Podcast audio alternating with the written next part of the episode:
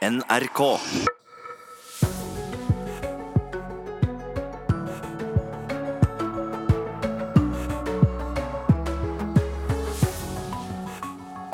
Det var mange som demonstrerte mot Donald Trump da han møtte opp i grensebyen El Paso, og noen for. Vi respekterte Obama, og alt vi spør om er respekt for presidenten, sier denne republikaneren. Uh, when Obama was there, we all have to switch sides, didn't we? We all have to respect Obama and his decisions and so on. So, and that's all we're asking is you respect the presidency because that's what makes this country great, that we can all disagree to agree. Det er det som gjør landet vårt stort, mener han, og så møter vi noen som mener at presidenten er rasist, på besøk i El Paso. En norsk fireåring er alvorlig syk i interneringsleir i Syria. Hvilken hjelp får han? Vi spør Røde Kors, som driver et av feltsykehusene i leiren. Og som vi hørte i Dagsnytt, det kan bli krevende for prinsesse Märtha Louise å drive forretning, særlig i utlandet, når hun ikke lenger skal kalle seg prinsesse. Og vi hører mer fra eksperten på merkevarebygging her i Nyhetsmorgen. Velkommen i NRK P2, Alltid nyheter, og på NRK1, Hugo Fermariello i studio i dag. USAs president Donald Trump ble møtt av demonstranter da han besøkte Ohio og Texas etter helgens to skytemassakre. Trump takket politiet og helsepersonell da han var i El Paso og, og, og møtte, møtte, både politi og helsearbeidere. Da, da han også møtte pressen etter det, var det jeg skulle si. We had an amazing day. As you know, we left Ohio, and uh, the love, the respect for the office of the presidency, uh, it was, I wish you could have been in there to see it. I wish you could have been in there. And it was no different here. We went to the hospital, just came from the hospital. Jeg skulle ønske dere kunne se kjærligheten og respekten vi ble møtt med av de overlevende og dem som hjalp dem, sammen etter besøket på, på sykehuset. Men i El Paso, Texas, der åtte av ti har latinamerikansk bakgrunn, synes mange han burde holdt seg unna. I don't want him here. I feel like this is we're grieving. She's grieving. She knows people that were affected by this who have passed. Vi sørger, sier Bernadotte Istris Butcher etter massedrapene som rammet El Paso, Texas denne helgen. Hun reagerer på at Donald Trump i natt besøkte grensebyen som hun er født og oppvokst i. Hun mener presidenten sprer hat og rasisme. People and make it okay that hate, you're not going to get in trouble. You'll get a slap on the wrist. And so they go on. Åtte av ti innbyggere i El Paso har latinamerikansk bakgrunn. Butcher legger skylden for massedrapene her på Trump. Without a doubt, this is why this happened. Because of Trump. Because of his words. Selv har Trump etter skytemassakren fordømt rasisme og sagt at hat ikke har noe plass i Amerika. Og selv om mange av dem vi møter her er enig med Butcher, fins det også dem som har møtt opp for å vise sin støtte til Trump. Sikhe som pga. sikkerhetshensyn ikke vil ut med sitt navn, er latinamerikaner bosatt i El Paso. Han har møtt opp med en Welcome Trump-plakat. You're here with a Welcome Trump sign. Why? Well, because he's our president and everybody has a right to uh, come show their condolences and respect for the tragedies of our country. There are not many people with this sign here today. That's, that's the beauty of America. That is the beauty. Not everybody's the same. But that doesn't mean we have to hate each other. Men Edith Adamy, som kjenner flere som overlevde masseskytingen ved kjøpesenteret lørdag, er uenig. I don't want Trump here. Is he a racist? He is a racist, and I mean, everybody knows that. Han er en rasist, og alle vet det, sa denne kvinnen som vår USA-korrespondent Veronica Westrin møtte i El Paso. Så er Katrine Nybø kommet i studio. Og vi tar en titt på det som har skjedd i natt. Regjeringa i Venezuela trekker seg fra samtalene med opposisjonen. Nicolás Maduro, den sittende presidenten, nekter å sende en delegasjon til møter som var planlagde i Barbados i dag og i morgen, i protest mot sanksjonene mot USA. USA støtter opposisjonslederen Juan Guaidó. Italia nekter det spanske redningsskipet Open Arms å legge til kai. Om bord befinner det seg 121 mennesker som ble reddet etter to forlis i Middelhavet i forrige uke. Italia vedtok nylig en lov som åpner for å beslaglegge fartøy som trosser forbudet mot å legge til kai i en italiensk havn, og kan gi kapteinen bøter på opptil 10 millioner kroner. FN mener loven kriminaliserer humanitært arbeid. Og En person ble henta opp av sjøen utenfor Askøy i går kveld. Det ble observert en båt som gikk i sirkel, altså uten fører. Det melder Hovedredningssentralen. De sier at det ikke er noe som tyder på at det var flere involverte. Personen som ble henta opp av sjøen var nedkjølt, men politiet sier at de ikke vet noe mer om tilstanden. Og dette får vi vite mer om ved å følge med på NRK Nyheter i dag.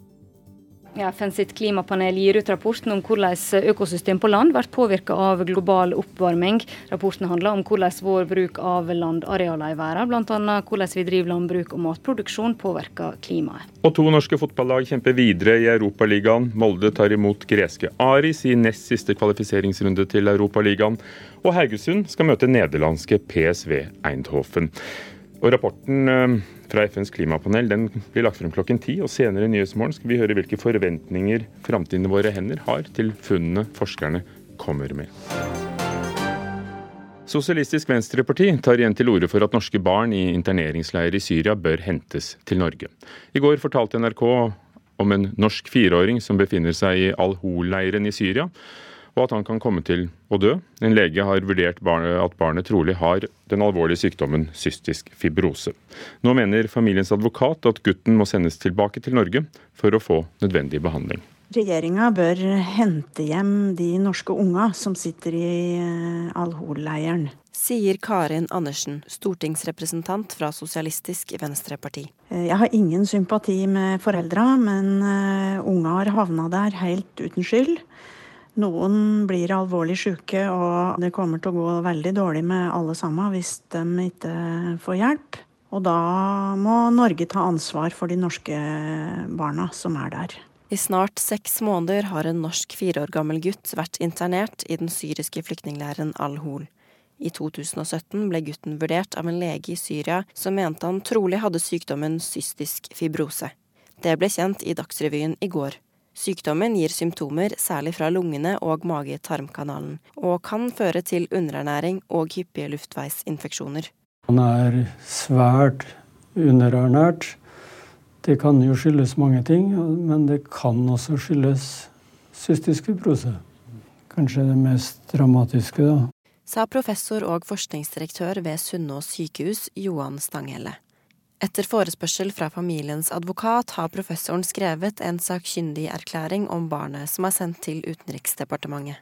Moren til gutten er en norsk statsborger fra Oslo som reiste til Syria i 2013. Nå er hun mistenkt for deltakelse i terrorgruppen IS og etterforskes av Politiets sikkerhetstjeneste. Kvinnen sin advokat, Nils Christian Nordhus, sendte lørdag et brev til Utenriksdepartementet. Der varsler han om at helsetilstanden til gutten er kritisk. Vi eh, krever at norske myndigheter må hente han eh, hjem. Hvorfor skal norske myndigheter hente han hjem på en usikker diagnose? Det sier seg selv at det er noe som er alvorlig galt. Og da bør man la tvilen komme gutten til gode. I motsatt fall så kan han eh, dø. Innad i regjeringen er det uenighet i om, og i så fall hvem, som skal få komme til Norge fra Al-Hol-leiren. I Dagsrevyen i går sa leder for Kristelig Folkeparti Kjell Ingolf Ropstad at han ønsker å få sendt barnet til Norge. Dette er jo veldig kompliserte saker, eh, og jeg er veldig glad for at vi har klart å hente hjem fem foreldreløse barn. Men vi setter sikkerheten til ungene først, og derfor så kommuniserer vi heller ikke eventuelle pågående operasjoner og diskusjoner i regjeringa. Men jeg er opptatt av å finne en løsning, og jeg mener at eh, dette tilfellet òg viser at det er viktig å få dem hjem raskt.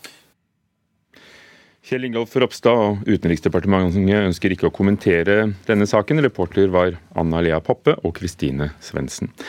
Bernt Apeland, generalsekretær i Norges Røde Kors. Dere driver et av feltsykehusene i Al-Hol-leiren. Hvilken hjelp kan denne fireåringen få i Al-Hol?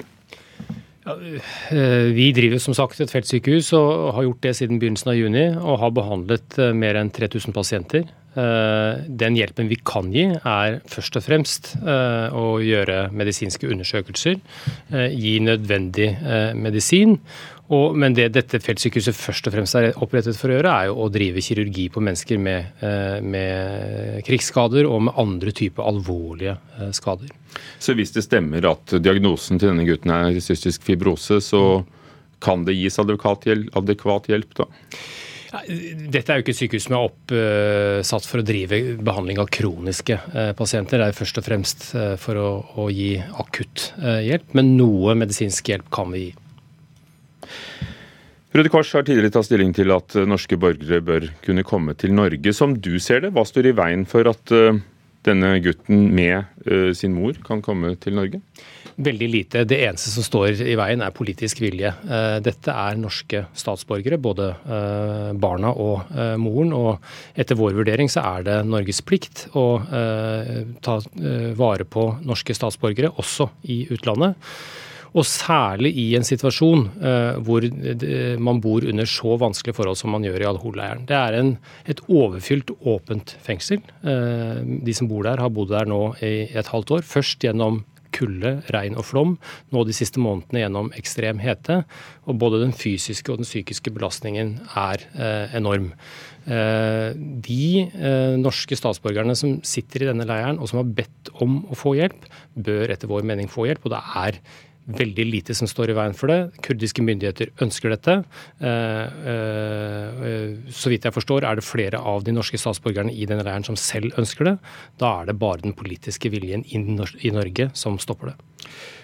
For det finansielle, det, det er jo ikke det som nødvendigvis står i veien, for her kan jo familien selv komme med med penger? Absolutt. Her finnes det jo eksempler på uh, Vi skal ikke lenger enn til, uh, til, Danmark, hvor det har vært familier som selv uh, har hentet ut sine familiemedlemmer med en forståelse med danske myndigheter. Så det er absolutt en mulighet. for det, det er finnes... ikke lov til å forlate leiren på eget initiativ? Nei, for dette er, og det tror jeg er viktig å understreke, dette er for alle praktiske formål et fengsel. Og særlig for fremmedkrigerne som sitter på en måte på en, i en interneringsleir inne i interneringsleiren. Men det krever jo da at en, en kvinne som moren til denne gutten, i den grad hun har vært med i terrororganisasjonen IS og tilknyttet det, eh, er villig til å møte i en norsk rettssal. Det er helt riktig, og der stiller jo Norge også i en særklasse fordi man har fått på plass uh, før dette skjedde, en, uh, en, lovgivning som gjør at det er mulig å dømme uh, folk for de handlinger de eventuelt skulle ha begått.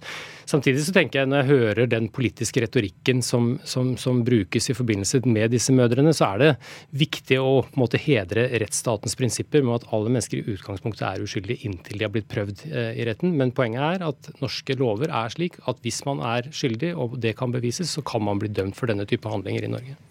Som du ser det, hva eller bidrar norske myndigheter for å hjelpe nordmennene som bor i leiren, i leiren? Kan du gjenta det spørsmålet? Om norske myndigheter hjelper nordmennene i leiren der de er? Ja, jeg er ukjent med at norske myndigheter gjør det. Det er mulig at de gjør det, men, men, eh, men jeg har ingen kjennskap til at de gjør det. Vi har hørt om eh, forholdene i, i leiren, som du beskriver som et uh, fengsel. Er det tegn til bedring?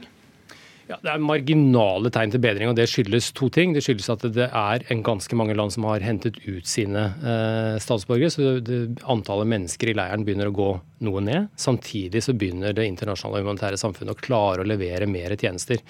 Eh, sånn at det er eh, vanntilgang, det er mattilgang, det er helsetilgang. Alt er begrenset og ikke godt nok. Det som er mest alvorlig, er at når barn blir sittende så lenge, så finnes det altså ikke noe tilbud for barn å være barn i disse leirene. Verken muligheten til å leke, ha det gøy, være, utvikle seg som mennesker, eller å gå på skole. Og det er da noen frykter radikalisering? Absolutt, og det, det er veldig, eh, veldig, veldig sannsynlig. Takk skal du ha, Bernt Apeland i Norges Røde Kors.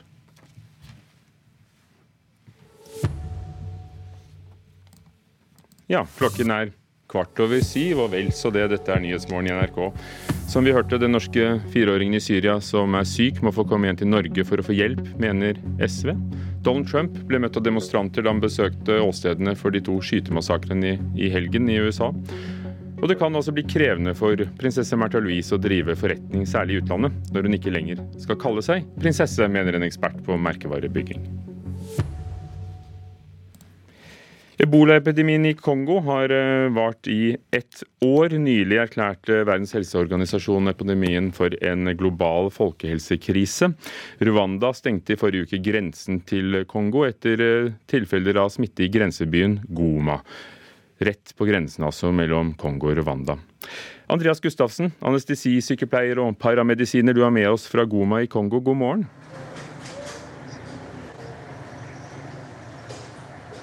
Ja, god morgen. 1800 er altså døde så langt i Kongo i denne epidemien, i dette utbruddet. Hva er ditt inntrykk når du er på stedet, av hvor alvorlig det er, og hvorfor dødeligheten er høyere enn vanlig ved ebola?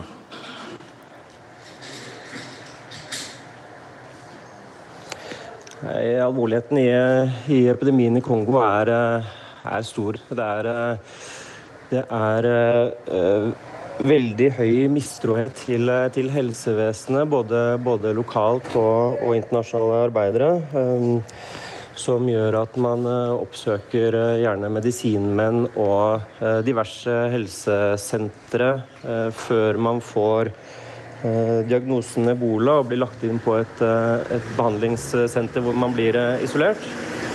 Og det fører til at man eh, både oppsøker, kommer til hjelp sent i sykdomsforløpet, men, eh, men også at man rekker å, å, smitte mange, eh, i hvert fall utsette mange for smitte på veien til, til isolasjon.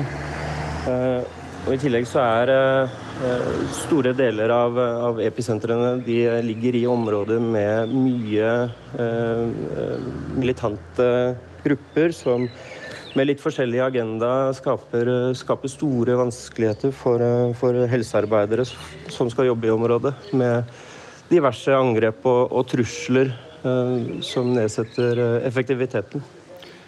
Goma er en by med mer enn 200, 2 millioner mennesker, og, og, det begynte med to tilfeller i denne grensebyen. og Det var det som førte til først at Rwanda en liten stund stengte grensen. Hvordan har det utviklet seg? Har um, utbruddet av ebola forverret seg? Eh, vi er i, Kongo for å drive eh, opplæring på en norskdonert kuvøse for å, for å drive eh, med transport av pasienter over avstander og, og på en måte sikre en vei ut for, for helsearbeidere som må fraktes over, over lange avstander. Så vi har vært i, i Beni med, med, det der hvor episenteret mm, er, med, med, veldig mange nye tilfeller daglig. Og, og vi er nå i, i Goma. Um, og vi ser altså det er en, en tilstedeværelse av, av um, preventive tiltak med, med klor og, og, og temperaturmålinger uh, før, uh, ved alle offentlige bygg. Um, La meg bare si to ord om denne, denne, kuvøsen du snakket om. Det ser jo altså ut som en stor dekket båre. Epishuttle kalles den, en norsk oppfinnelse. Eh, og gjør at man kan både behandle og transportere pasienter sikkert inn og ut av infiserte områder. Da. Ehm, har det gjort at de internasjonale hjelpeorganisasjonene tør å satse mer også på de farligste stedene? Det er det som er målet. Målet er å kunne trygge veien hjem eh, til en eh, kontrast eh, fra Vest-Afrika. Eh, hvor man faktisk kan, kan garantere en, en vei, vei, hjem. Eh, for Den ble utviklet etter, etter eh, utbruddet i Vest-Afrika, hvor man så at, at, man egentlig ikke har noen gode muligheter for å kunne transportere pasienter og isolere i bil og helikopter og, og fly. Så, så, Oslo universitetssykehus eh, har utviklet en mulighet for å, for å kunne drive avansert behandling eh, over lange avstander. Og eh, Verdens helseorganisasjon, som står for evakuering av helsearbeidere, eh, både nasjonale og internasjonale, i Kongo er, eh, bruker dette som sitt eh, verktøy og, og, har det i sine beredskapsplaner. Vi, vi hører kunne... morgenfuglene i Goma bak deg, Andreas Gustavsen. Eh, en by som da nylig fikk to tilfeller av ebola. Har du inntrykk av at dette er noe som folk er engstelige for? Eh, både ja og nei. Det er en veldig liten bevissthet i, i befolkningen eh, i, i, Goma, og egentlig i Beni òg, men, men, her er det veldig mange som ikke tror på eh, ebola som en sykdom. og, og forklarer det med andre, andre løsninger. Man først oppsøker medisinmenn med, med diagnosen forgiftning, ifølge helsearbeidere på stedet her. Og I Goma så er det veldig lav bevissthet i, i befolkningen generelt, bortsett fra de som er i kontakt med helsearbeidere fra utlandet, egentlig. Takk skal du ha. En av dem er altså deg, Andreas Gustavsen, anestesisykepleier fra Oslo universitetssykehus på plass i Goma i Kongo. Det kan bli veldig krevende for prinsesse Märtha Louise å drive kommersiell virksomhet uten å kalle seg prinsesse, og da spesielt i utlandet. Det mener Monna Nordhagen, som har skrevet bøker og holder foredrag om merkevarebygging. Märtha Louise fortalte i går at hun vil slutte å kalle seg prinsesse i kommersielle sammenhenger. Det prinsessetiden gjør, er jo at det flytter Märtha Louise, altså merkevaren Märtha Louise inn i et sånt eventyrunivers. ikke sant? En sånn eventyrverden. Og i sånne eventyrverdener der fins det jo engler og sjamaner og gode feer og mirakler, og på en måte er de vanlige naturlovene har sluttet å eksistere. De gjelder ikke. I en, sånn, i en eventyrverden så kan alt skje. Det sier Monna Nordhagen.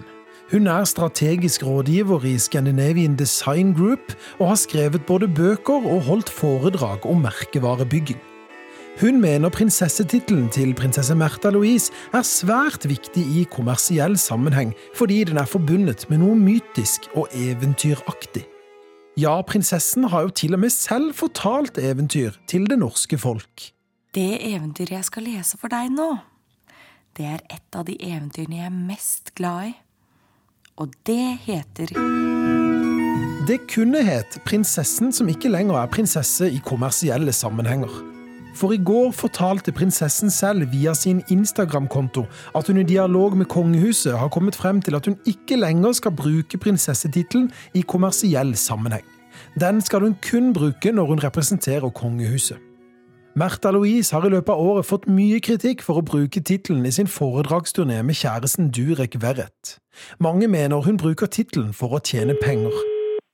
Hallo igjen, hører du nå? Ja, nå var det bedre. Monna Nordhagen mener at det nå kan bli svært vanskelig for Märtha Louise å skape oppmerksomhet rundt seg selv uten prinsessetittelen, spesielt i utlandet. Eh, og jeg tror da ikke Märtha Louise har noe, eh, noe legitimitet eh, i utlandet uten prinsessetittelen.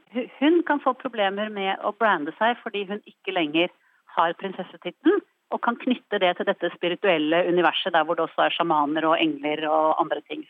NRK har vært i kontakt med prinsessens manager Karina Karlsen, som sier at de ikke ønsker å kommentere dette. Aftenposten-journalist Ingeborg Senneset er en av dem som har uttalt seg kritisk til bruken av prinsessetittelen. Hun synes det er bra at Märtha Louise har lyttet til kritikken, og håper nå å få mer debatt om selve virksomheten hennes og hva den inneholder. Nå kan vi kanskje legge hele kongehusdelen litt til side, og se heller på maktdelen. For dette er en svært kompetent, retorisk sterk, medietrent kvinne med en stor følgerskare og en bedrift som har deler som bør ses på nettopp som en bedrift. Og Derfor håper jeg at vi da kan ha en skikkelig samtale, en skikkelig debatt. Jeg håper at hun kanskje vil møtes til debatt, så vi kan snakke om de her tingene. Det handler om alternativ medisin, det handler om alternativ behandling, det handler om hvordan vi tenker rundt vitenskap. Men snipp, snapp, snute, så var prinsessetittelen i kommersielle sammenhenger ute fortalte reporter Christian Ingebretsen. Redningsaksjonen i Trollveggen i Møre og Romsdal i forrige uke etter to tsjekkiske fjellklatrere var helt spesiell, sier de som har greie på det. Steinsprang og rasfare satt både folk og maskiner i fare. Romsdal alpine redningsgruppe fikk bruk for alt de kunne. Fint oppi den nå. To av redningsmennene er tilbake etter en av de mest unike redningsaksjonene som er gjennomført To tsjekkiske fjellklatrere ble det ellevte og tolvte dødsofferet i Trollveggen i Romsdal.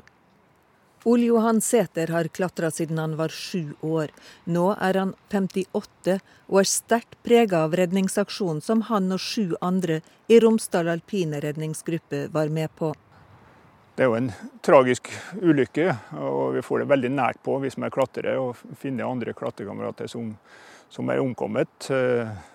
Så det, det er en krevende jobb. Trollveggen er Europas høyeste loddrette fjellside, Og ei ulykke her setter store krav til de som skal hjelpe. Helikopter kan ikke lande.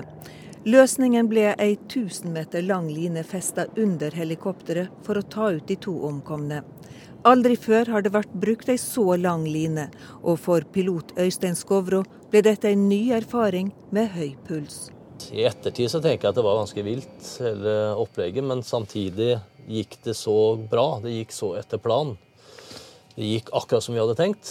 Og lettelse å få gjennomført det. Lettelse for de etterlatte å vite at man har liksom bidratt til at de får en verdig begravelse. Og så er det litt artig at det, det kanskje aldri har vært gjort før. da. Steinsprang er trolig årsaken til ulykka i Trollveggen. Også for redningsmennene som utførte jobben sist uke, var det risikabelt. Men sikkerheten var aldri satt på prøve, sier Kevin Kolstad. Han er leder for Romsdal alpine redningsgruppe, og hadde ansvaret for de åtte klatrerne som var med på aksjonen. Vi sitter på en høy eh, kompetanse, eh, erfaring, som gjør at vi kan vurdere den sjøl, tenker jeg. Eh, og hvis vi føler at det her er ikke har vært mulig, så har vi ikke gått inn. Redningsaksjonen i Romsdalen er lagt merke til langt utenfor det lokale klatremiljøet. Veggen er sagnomsust, men selv Ole Johan Sæter, som har gått opp forskjellige ruter hele ni ganger, har fått en støkk.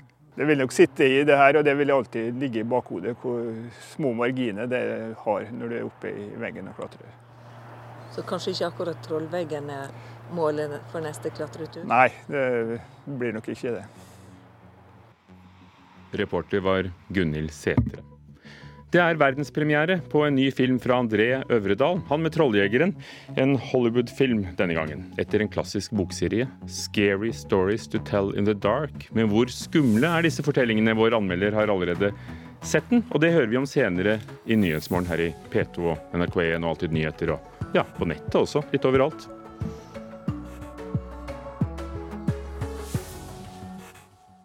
Sommer i P2. Mitt mål er å leve så ekte jeg kan.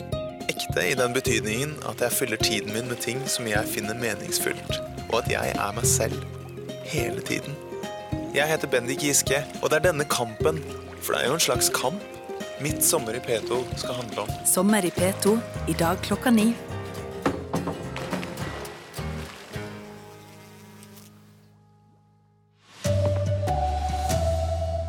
Donald Trump, møtt av protester i El Paso, blir skylda for å spreie hat. Den norske fireåringen i Syria som er syk, må få komme hjem for å få hjelp, mener SV. Og det kan bli krevende for Märtha Louise å drive kommersielt uten prinsessetittelen, tror merkevareekspert. Her er NRK Dagsnytt klokka 7.30. President Donald Trump ble møtt med protester i natt da han besøkte åstedet for masseskytinga i Texas, der 22 mennesker ble drepne. Demonstrantene mener at Trump spreier hat og rasisme. Trump sa at dette ikke var tida for politikk da han møtte folk på sykehuset i El Paso. They shouldn't be politicking today. We made the tour. They couldn't believe it. I get on Air Force One where they do have televisions. I turn on the television, and there they are saying, "Well, I don't know if it was appropriate for the president to be there," you know, etc., etc. You know, the same old line. Men i El Paso, Texas, der åtte av ti har latinamerikansk bakgrunn, mener mange at han burde holdt seg unna. I don't want him here. I feel like this is we're grieving. Vi sørger, sier Bernadotte Istris Butcher etter massedrapene som rammet El Paso, Texas denne helgen. Hun reagerer på at Donald Trump i natt besøkte grensebyen som hun er født og oppvokst i. Hun mener presidenten sprer hat og rasisme.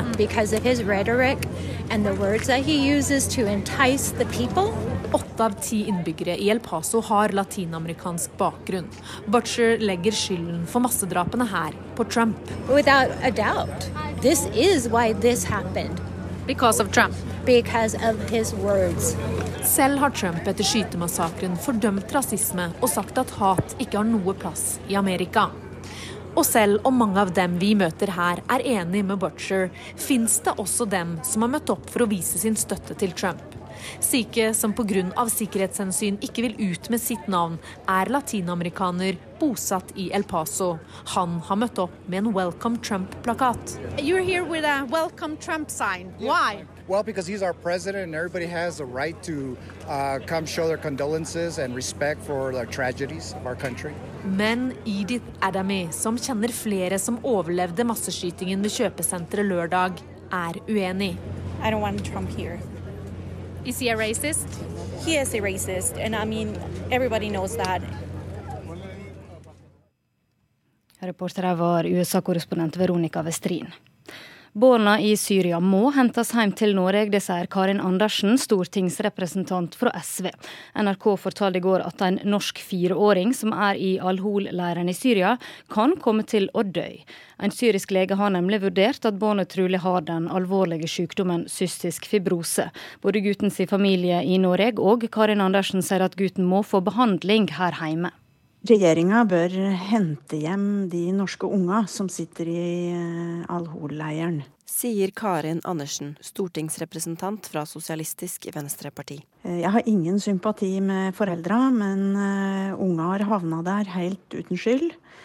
Noen blir alvorlig syke, og det kommer til å gå veldig dårlig med alle sammen hvis de ikke får hjelp. Og da må Norge ta ansvar for de norske barna som er der. I snart seks måneder har en norsk fire år gammel gutt vært internert i den syriske flyktningleiren Al-Hol. I 2017 ble gutten vurdert av en lege i Syria som mente han trolig hadde sykdommen cystisk fibrose. Det ble kjent i Dagsrevyen i går. Sykdommen gir symptomer særlig fra lungene og mage-tarmkanalen, og kan føre til underernæring og hyppige luftveisinfeksjoner. Moren til gutten er en norsk statsborger fra Oslo som reiste til Syria i 2013. Nå er hun mistenkt for deltakelse i terrorgruppen IS og etterforskes av Politiets sikkerhetstjeneste. Vi eh, krever at norske myndigheter må hente han eh, hjem. Sier den norske kvinnen sin advokat Nils Christian Nordhus. Han sendte lørdag et brev til Utenriksdepartementet der han varsler om at helsetilstanden til barnet er kritisk. Det sier seg selv at det er noe som er alvorlig galt, og da bør man la tvilen komme gutten til gode. I motsatt fall så kan han eh, dø. Utenriksdepartementet ønsker ikke å kommentere saka. Reportere var Anna Lea Poppe og Kristine Svendsen. Generalsekretær i Norges Røde Kors, Bernt er dere som driver feltsykehuset i Al-Hol-leiren. Bør Norge hente hjem denne gutten og andre i samme situasjon? Ja, absolutt. Eh, Norge har et ansvar for norske statsborgere uansett. Og særlig i en situasjon hvor helsetilstanden eh, både for denne gutten og for veldig mange andre i denne leiren er veldig kritisk, så bør norske myndigheter gjøre alt det de kan for å hente hjem både dette barnet og andre barn som måtte være der, samt deres mødre. Hvordan kan det foregå? Det er bare at uh, norske myndigheter faktisk viser en vilje uh, til å gjøre det. Uh, og bistår de norske statsborgerne som ønsker det. og hvis norske, de som sitter der også evner å komme ut på egen hånd, trenger de for så vidt norske myndigheter bare å gi sin velsignelse til det. Og så vil det være mulig å få det hjem. Er det komplisert å hente hjem barn fra Syria? Her finnes det jo veldig mange varianter på hvordan dette gjøres. Eh, noen familier har eh, hentet eh, sine familiemedlemmer hjem helt uten assistanse fra myndigheter. Og så er det andre, som bl.a. Norge, som har brukt forsvarspersonell for å hente hjem. Så her finnes alle muligheter. Takk skal du ha, generalsekretær i Norges Røde Kors, Bent Apeland. Det kan bli svært krevende for Märtha Louise å drive kommersiell virksomhet uten å få kalle seg prinsesse, spesielt i utlandet. Det mener Monna Nordhagen, som har skrevet bøker og holdt foredrag om merkevarebygging. Prinsesse Märtha Louise fortalte i går at hun skal slutte å bruke prinsessetittelen i kommersielle sammenhenger. Det prinsessetittelen gjør, er at det flytter Märtha Louise, altså merkevaren Märtha Louise inn i et sånt eventyrunivers. Det sier Monna Nordhagen. Hun er strategisk rådgiver i Scandinavian Design Group og har skrevet både bøker og holdt foredrag om merkevarebygging. Hun mener prinsessetittelen til prinsesse Märtha Louise er svært viktig i kommersiell sammenheng, fordi den er forbundet med noe mytisk og eventyraktig. Ja, prinsessen har jo til og med selv fortalt eventyr til det norske folk. Det eventyret jeg skal lese for deg nå, det er et av de eventyrene jeg er mest glad i. Og det heter Det kunne het 'Prinsessen som ikke lenger er prinsesse i kommersielle sammenhenger'. Nordhagen mener at det nå kan bli svært vanskelig for Märtha Louise å skape oppmerksomhet rundt seg selv uten prinsessetittelen, spesielt i utlandet. Eh, og jeg tror da ikke Märtha Louise har noe, eh, noe legitimitet eh, i utlandet uten prinsessetittelen. Hun kan få problemer med å brande seg fordi hun ikke lenger har prinsessetittelen, og kan knytte det til dette spirituelle universet der hvor det også er sjamaner og engler og andre ting. NRK har vært i kontakt med prinsessens manager Karina Karlsen, som sier at de ikke ønsker å kommentere dette. Reportere var Christian Ingebretsen. Rosenborg vant 3-1 over slovenske Maribor i den første kampen i tredje kvalifiseringsrunde til Meisterligaen.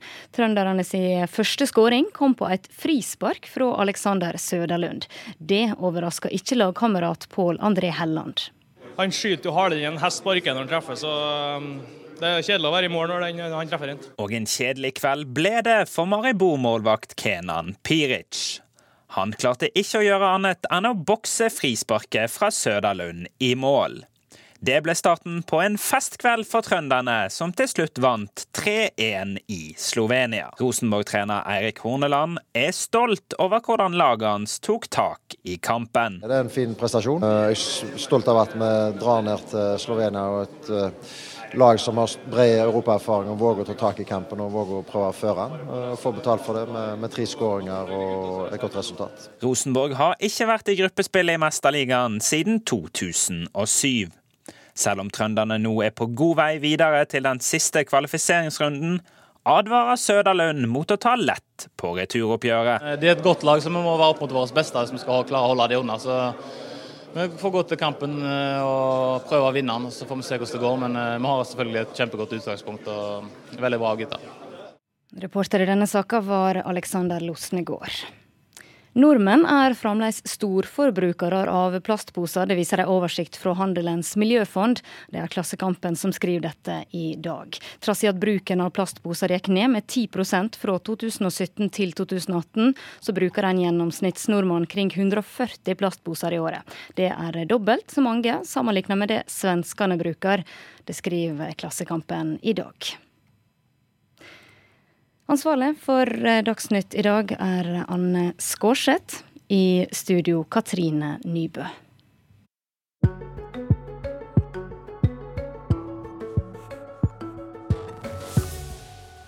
Hva skal til for at 5000 flere hvert år fullfører videregående skole? I går lanserte Høyre sine 50 forslag som et valgkampløfte. Erna Solberg var til stede, og Jan Tore Sanner, ministeren. Har de funnet løsningen? Dette blir det debatt om i Politisk kvarter ganske snart, om fem minutter, her i Nyhetsmorgen.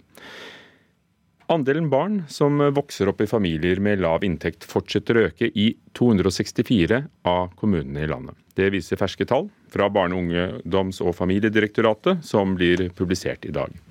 I flere år har Drammen vært den byen som ligger øverst på listen over bykommuner.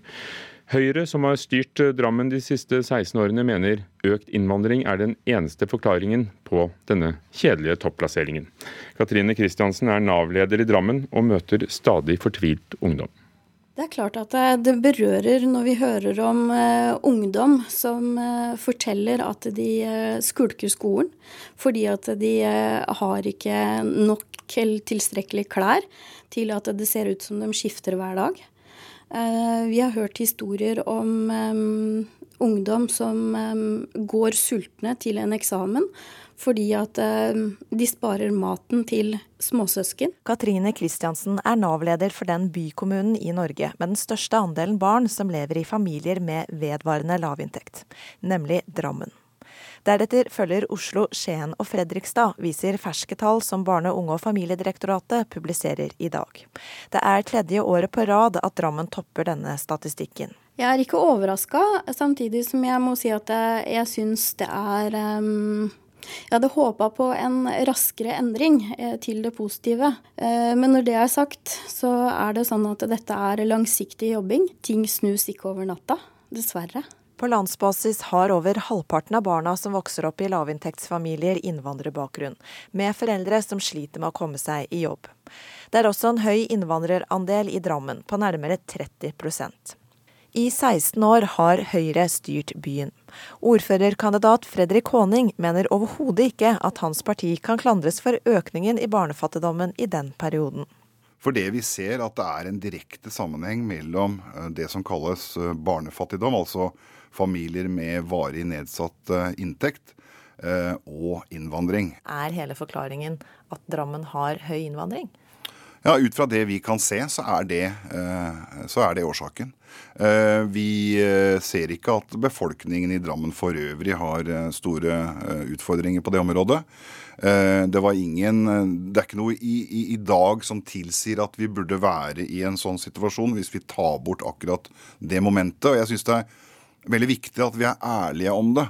Eh, vi, det, det er helt eh, meningsløst å pakke inn dette og si at det er alle mulige utenforliggende årsaker. Det er klart at Drammen har noen demografiske utfordringer i den forstand at det er en høy innvandrerandel i byen.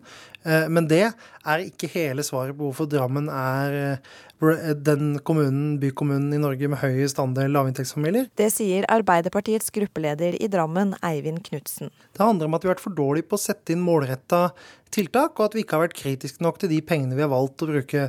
Drammen kommune har gjennom de siste ti årene brukt 250 eh, millioner røftlig på eh, en områdesatsing på, eh, på fjell. Nå skal det evalueres nå til høsten. Jeg tror kanskje at eh, de pengene kunne vært brukt på en enda bedre måte. Knutsen mener Drammen bl.a. må bli flinkere til å se til andre sammenlignbare kommuner og lære av dem.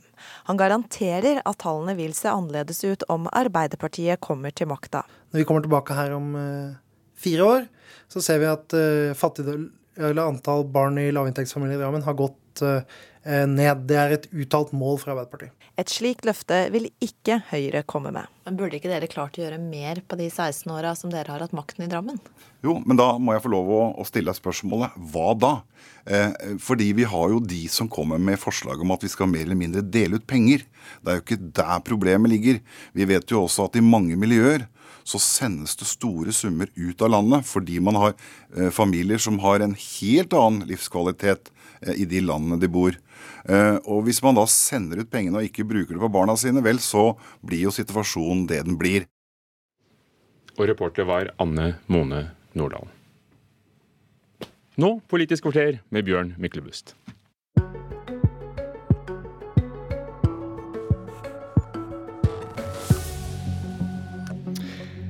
16 000 elever, én av fire, dropper ut av videregående skole. I går kom Høyre med det de kaller et av sine aller viktigste valgløfter. Vi skal få 5000 flere elever til å gjennomføre videregående hvert år innen 2025. En markedsføringsbløff, sier Audun Lysbakken. Kunnskap- og integreringsminister og nestleder i Høyre, Jan Tore Sanner, velkommen til Politisk kvarter. Tusen takk og riktig god morgen. God morgen. Eh, først til det kanskje dere begge er enige om. Hvorfor er det alvorlig at så mange ikke fullfører videregående? Fordi vi har et uh, arbeidsliv som stiller stadig økende krav til, uh, til kompetanse. Uh, og Det betyr at dropper du ut av videregående skole, så kan veien være kort til arbeidsledighet og kanskje til varig utenforskap. Har du et fagbrev, så får du en god og trygg og spennende jobb, mange muligheter. Har du et vitnemål eh, fra studieforberedende, så kan du studere videre med også mange spennende muligheter. Derfor er noe av det aller viktigste vi kan gjøre som politikere, det er å sørge for at eh, flest mulig fullfører og består videregående skole. Og heldigvis så er det jo nå mye som går i riktig retning. Det er flere som fullfører, elevene lærer mer, og de er mer til stede på skolen. Det første hovedgrepet dere nevner for å gjøre noe med dette, er flere og mer kompetente lærere. Bedre lærere er god gammel høyrepolitikk, men en lærernorm som definerer hvor mange lærere det må være per elev i en kommune, det har Høyre kjempet imot, og Erna Solberg har til og med sagt at dette var den største kamelen Høyre måtte svelge da KrF kom inn i regjeringen. Hvordan kan det være en del av det Høyre vil satse på, når dere mener det ikke virker? Fordi jo, det, det, det, virker. Og du spurte meg for et år siden i studio eh, om jeg var for lærernormen, og det er jeg. Eh, fordi, Få høre hvilken ny dokumentasjon nei, dere har fordi, på dette. Fordi, fordi at vi gjennomfører lærernormen, altså flere lærere, sammen med økte kompetansekrav til lærerne. Hvis du bare isolerer flere lærere, så er det viktig at da er det vanskelig å finne forskningsmessig dokumentasjon på, på, det. Men vi ser jo flere lærere sammen med den satsingen vi har på kompetanse. Både at vi utdanner flere lærere, vi har fått på plass en masterutdanning for, for lærere. Vi stiller kompetansekrav til de som skal undervise i norsk, matte og, og engelsk. Vi har sendt 34 000 lærere på videreutdanning. Det er klart at dette er viktig. Noe av det aller viktigste. Men du, hvorfor, hvorfor er ikke dette en del av Høyres partiprogram da? Fordi at eh, Lærernormen den, eh, den, kom på plass i et forlik med Kristelig Folkeparti eh, etter at vi hadde eh, laget vårt partiprogram. Men nå, nå er også Som, du for, sier du? Ja, fordi at eh, vi trenger flere og vi trenger bedre lærere for å løfte alle, alle elever. Vil du foreslå meg, at en lærernorm på kommunenivå blir en del av Høyres partiprogram? Vil du kjempe inn det i neste parti programprosess? Jeg vil kjempe inn at vi skal ha flere og bedre lærere, ikke nødvendigvis en lærernorm. Ja, men det er det men du det sier som, du sitter og jo, sier er for, som dere har argumentert mot i alle år fordi dere ikke har dokumentasjon på at det virker? Ja, fordi at det handler om norm. Det jeg snakker om, det er flere og bedre ja, lærere. men Nå snakker du jo, forbi meg, for nei. jeg spurte deg nettopp om denne normen, Bjørn, som du sier den er vi for, ja, men, men, Høyre vil ikke ha det som men, sin politikk. Myklebust, hvis du hadde hørt på og lyttet til hva jeg sa, så er jeg for at vi har flere lærere som ser og bidrar til å løfte alle elever. Men dette handler ikke bare om en norm, men det handler om flere kompetente lærere. Jeg er ved at vi har fått, ja, Det trenger du ikke være. Ved at vi får en masterutdanning for lærere, ved at vi stiller kompetansekrav til, til lærerne, og ved at vi sender lærere på etter- og videreutdanning. Flere og bedre lærere er viktig for å se og løfte alle elever. Ikke en norm, men du er for en norm. SV-leder Audun Lysbakken, du kaller Høyres satsing en markedsføringsbløff. Hvorfor det? Det var fordi at de lovet at det skulle komme noe, noe nytt eh, når de la frem dette i går. Mens dette er jo i veldig stor grad en katalog av ting som uh, vi vet at eh, Høyre er for, og som de holder på med fra før. Og til og med da denne lærernormen som de altså har brukt utrolig mye krefter på å bekjempe. Jeg satt jo i studio med høyrepolitiker etter høyrepolitiker i forrige valgkamp for to år siden og fikk høre hva slags elendig idé en lærernorm er. Og nå er altså Høyre i en situasjon der de er såpass idéfattige, har så lite nytt å komme med i kampen mot frafallet, at de sjøl altså reklamerer med den lærernormen som de er blitt tvunget av KrF til å innføre. Men jeg, er jo glad for at Høyre ser lyset. Jeg tror at for de fleste i Norge er det ganske innlysende at flere lærere er det kanskje aller viktigste grepet vi kan gjøre for at eh, flere skal få en god skolegang. Men, men da går vi til det, Sanner. Hva er de nye grepene for å få ned frafallet fra videregående i den planen dere la fram i går? Ja, For det første så starter jo dette i, i barnehagen. Eh, vi skal ha flere pedagoger i, i barnehagene.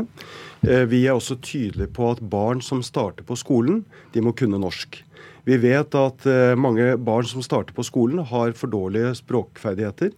Det å kunne godt norsk er viktig for å bli en del av det sosiale fellesskapet i, barnehagen, leke med andre barn, men det er også viktig for å få en god start på skolen. Derfor sier vi at vi skal gi kommunene en plikt til å vurdere alle barn. Og der hvor man har en bekymring, så skal det også gjennomføre en språkkartlegging, og barna skal få god støtte og hjelp. Det er det ene. Det denne, andre, denne plikten har man ikke hatt før? Nei. nei. Det andre er at vi skal gi skolen en oppfølgingsplikt når barna er borte fra skolen. Det har vært for mye vente-og-se-holdning i mange skoler, eh, hvor mange elever har for høyt fravær. Vi har bl.a. fått nå dokumentert at på ungdomsskolen så er 9000 elever mer enn tre uker borte fra skolen. Det er alvorlig. Og Har du høyt fravær på ungdomsskolen, så får du også ofte høyt fravær på videregående, og det er veien til å droppe ut. Det tredje som jeg vil trekke frem, det er at vi vil gi kommuner og fylker en plikt til å samarbeide mellom ungdomsskole og videregående skole. Overgangen mellom ungdomsskolen og videregående er en sårbar periode. Vi ønsker at videregående skole skal få en viktigere oppgave i studieveiledningen på ungdomsskolen. Flere elever skal gjøre tryggere valg. Og fra neste år så får vi en helt ny struktur på yrkesfag. Jeg tror det bidrar til at flere elever, særlig på yrkesfag, vil fullføre og bestå. Det blir mer praktisk, og det blir flere lærlingplasser. Hva av dette er du imot, Lysbakken? Det kommer litt an på. Jeg, jeg, frykter at det blir mer eh, testing og målstyring og kontroll. Det som er litt typisk Høyre, er at de kommer med Jo, de kommer med sånne ulike plikter og sånn, som veldig fort blir papirvedtak. Mens det som det er lite av i denne planen, det er jo konkrete tiltak for å få mer ressurser og mer folk inn i skolen. De to viktigste tingene vi trenger nå, hvis vi skal lykkes enda bedre i norsk skole, lage en skole hvor alle barn kan lykkes og lære og trives. Det er en mer praktisk og variert skoledag. Her er ikke de grepene som trengs for å skape det. Og så er det å gjøre noe med den rekrutteringskrisen vi har for lærere. Ikke sant? Det viktigste i skolen er lærere. Under denne regjeringen så er det altså fryktelig mange ukvalifiserte lærere i norske klasserom. Og Høyre har aldri klart å ta grep om det aldri klart å gå løs på denne rekrutteringskrisen. Tvert imot så ser vi altså at uh, de har drevet en avskilting av erfarne lærere som er helt feil medisin i den situasjonen. De har innført rigide opptakskrav til lærerutdanningen som gjør at motivert ungdom med høye snittkarakterer ikke kommer inn. Feil medisin som gjør at ukvalifiserte blir satt til å undervise barna våre. Du følger usedvanlig dårlig med. Nå er det faktisk en, nesten én én av ti som ønsker høyere utdanning, som søker seg til lærerutdanning. Det er blitt mer populært å bli lærer. Det er flere som får plass. Og vi ser at særlig blant de, blant de som ønsker å bli lærer fra, første til syvende klasse, så går det opp. SV sitt svar det er å kutte 500 millioner kroner i videreutdanning til, av lærere. Det betyr at du får mindre videreutdanning innenfor praktisk-estetiske fag, mindre videreutdanning innenfor spesialpedagogikk. Jeg skal fortelle hva vi skal gjøre. Jo, vi skal flytte spesialpedagogene fra møterom til klasserom. Jeg vil ha en inkluderende skole hvor elevene følges opp i klasserommet, ikke en undervisning hvor elevene hele tiden tas ut. Vi må bygge laget rundt elevene. Derfor har vi fått flere eh, helsesykepleiere inn i skolen, og vi skal ha enda flere. For vi må sørge for at de elevene som er i ferd med å falle ut, at de får nødvendig støtte og hjelp. 30 sekunder, Lysbakken. Det var avskiltingen av erfarne lærere, som står som et symbol på den mistilliten som Høyre Høyre har til lærerne i Norge. Når Høyre snakker, så høres det alltid ut som om problemet i norsk skole er at lærerne ikke er bra nok, mens problemet er at lærerne ikke er mange nok. Da trenger vi f.eks. det motsatte av det som skjer nå, nedlegging av lærerutdanningen på Nesna. Og vi trenger ikke at Høyre kommer tilbake til makten i de store byene. Det, når Høyre hadde makten i Oslo sist, i løpet av de fem siste årene, så kuttet de altså 350 millioner kroner i skolen. Allerede før den nasjonale lærernormen kom, så hadde det nye byrådet med SV i spissen ansatt 200 nye lærere. Det er det valget byen om. Klokka er fem på, Sander, du må løpe, ja, men du skal få lov til å svare hvis du vil. Men du snakker deg fullstendig bort. Realiteten er at dere har kuttet 500 millioner kroner i videreutdanning av lærere. Det viktigste vi kan gjøre som politikere, er å sørge for at vi har kompetente lærere. Og nå er det heldigvis blitt populært blant ungdom å bli lærer, og det er jeg glad for. For barna våre de trenger de beste lærerne. og vi trenger også flere av dem. Realiteten er at SV i våre budsjetter foreslår mye mer penger til okay, skolen enn det regjeringen bruker. Men vi vil ikke avskilte erfarne lærere, vi vil satse på nye. Ja, fordi... Ingen lærere er avskiltet. Vi trenger flere av dem, og vi trenger bedre lærere. Jan Tore Sanner, du må løpe for å rekke et møte. Det var det jeg hadde oppgave å si fra fem på. Nå kan du gå. Du kan få et spørsmål til, du, Lysbakken, eh, eh, mens eh, Sanner forlater oss. SV klarte da ikke å innføre en lærernorm da dere satt med regjeringsmakt og ansvaret for skolen i åtte år. Og så ser jeg at du hører nå at du likevel gjør narr av Høyre, som godtar KrFs krav om en norm. Du tenkte ikke at akkurat her bør jeg ikke rope så høyt. Altså, Vi gjorde veldig mye vi er stolte av når vi satt med ansvaret for skolen, og vi har kjempet i mange år for en lærernorm. Men jeg var veldig tydelig på å gi også KrF honnør for at de var med å kjempe dette gjennom. SV og KrF Men å latterliggjøre Høyre for at de faktisk gjennomfører deres politikk? Jeg gjorde ikke narr av det. Jeg bare sa at det er fint at de har skiftet mening, for dette er det aller viktigste i skolen. Det er møtet mellom læreren og eleven som eh, er det viktigste i skolen. Og Derfor så må vi ha mindre fokus på kontroll og testing og sånne papirvedtak om plikter og alt sånt som kommer nå. Og så må vi gi lærerne mer frihet, sørge for at det er nok av de, og at vi har utdannede lærere, ikke ukvalifiserte lærere. Men til det, dere, dere, klarte ikke på åtte år i flertallsregjering å få til dette. Nå lover dere det på nytt å kjempe for en lærernorm på, sko på skolenivå hvis dere igjen får makt. Kanskje er det som er markedsføringsbløffen? Nei. altså Vi fikk f.eks. til et stort løft for lærere i ungdomsskolen, som denne eh, regjeringen stoppet. Vi leverer ved makten i Oslo. Det er bare å se på tallene for uh, lærere i Oslo. Etter uh, mange år med kutt i skolebudsjettene i Oslo, så satses det nå på lærere. Det blir flere lærere i Oslo. Uh, så vi leverer når vi får makt. Og så er jo målet å styre flere kommuner etter dette valget. Vi kommer tilbake til det. Nå kan du også få lov til å gå, Audun Lysbakken. Takk. Tone Sofie Aglen, kommentator i VG, velkommen. Takk. hvordan vurderer du Høyres satsing for å få ned frafallet i videregående? Nei, Det var jo ikke mange nyheter på den lista. Det meste er eh, gjennomført. Og det var heller ikke eh, saker der som vil gi det, de store overskriftene. Men jeg tror heller ikke det var hensikten til Høyre. Jeg tror de er opptatt av å vise at de er på offensiven, at de er opptatt av kvalitet i skolen, og at de slett ikke er tom for ideer etter seks år i, i regjering. Ja, Til tross for det du sier nå, så skriver du i VG i dag dette er likevel en god sak for Høyre. Hvorfor er det det? Jo, Valgkampen så langt har handla veldig mye om uh, saker hvor de store partiene, både Høyre og Arbeiderpartiet, har hatt lite å vinne. Miljø, distrikt, uh, bompenger. Skole er en veldig viktig sak for Høyre. For det første så er det veldig mange velgere som er opptatt av det. Høyre har uh, høy troverdighet i, uh, i, skolespørsmålet. Og ikke minst er det bra for Høyre å vise at de er det partiet som særlig tar kvalitet i skolen på alvor. Og det, uh, det er en veldig fin hovedfiende for dem når Arbeiderpartiet i valgkampen har snakka så mye om mat i skolen og andre spørsmål. Hvis vi ser litt inn i helgen, partiene som vi snakker om nå kjemper om å få sin sak på dagsorden. Frp, som sliter med velgerne, og bompengene. De åpner sin valgkamp på lørdag, og alle venter på hva forhandlingene i regjeringen kan føre til. Kan Frp snu dette til en vinnersak? Det er veldig vanskelig å se for seg at uh, Frp skal få en mirakelkur uh, før valget. Lite tyder på at, at de vil få et så stort gjennomslag at, at, velgerne vil snu. De har tapt veldig mye troverdighet i bompengesaken. Så jeg tror vel det beste Frp kan håpe på, er at lufta har gått litt ut av den ballongen i løpet av sommeren. Hvis Høyre tjener på skole, hvilke saker ønsker Siv Jensen å snakke om som kan vinne velgere tilbake? Ja, det er jo helt åpenbart Når de har mista en av sine viktigste saker, bompenger, så er det jo en annen som står igjen. Det er innvandring. Og der sliter Frp med at det er lav innvandring for tida. Det er lite oppmerksomhet eh, rundt det spørsmålet. Så det de kan håpe på, er at, eh, at det er en sak som blir aktualisert fram mot valget. Takk for analysen, Tone Sofie Aglen, kommentator i VG. Og dette var et Politisk kvarter. Jeg heter Bjørn Myklebust.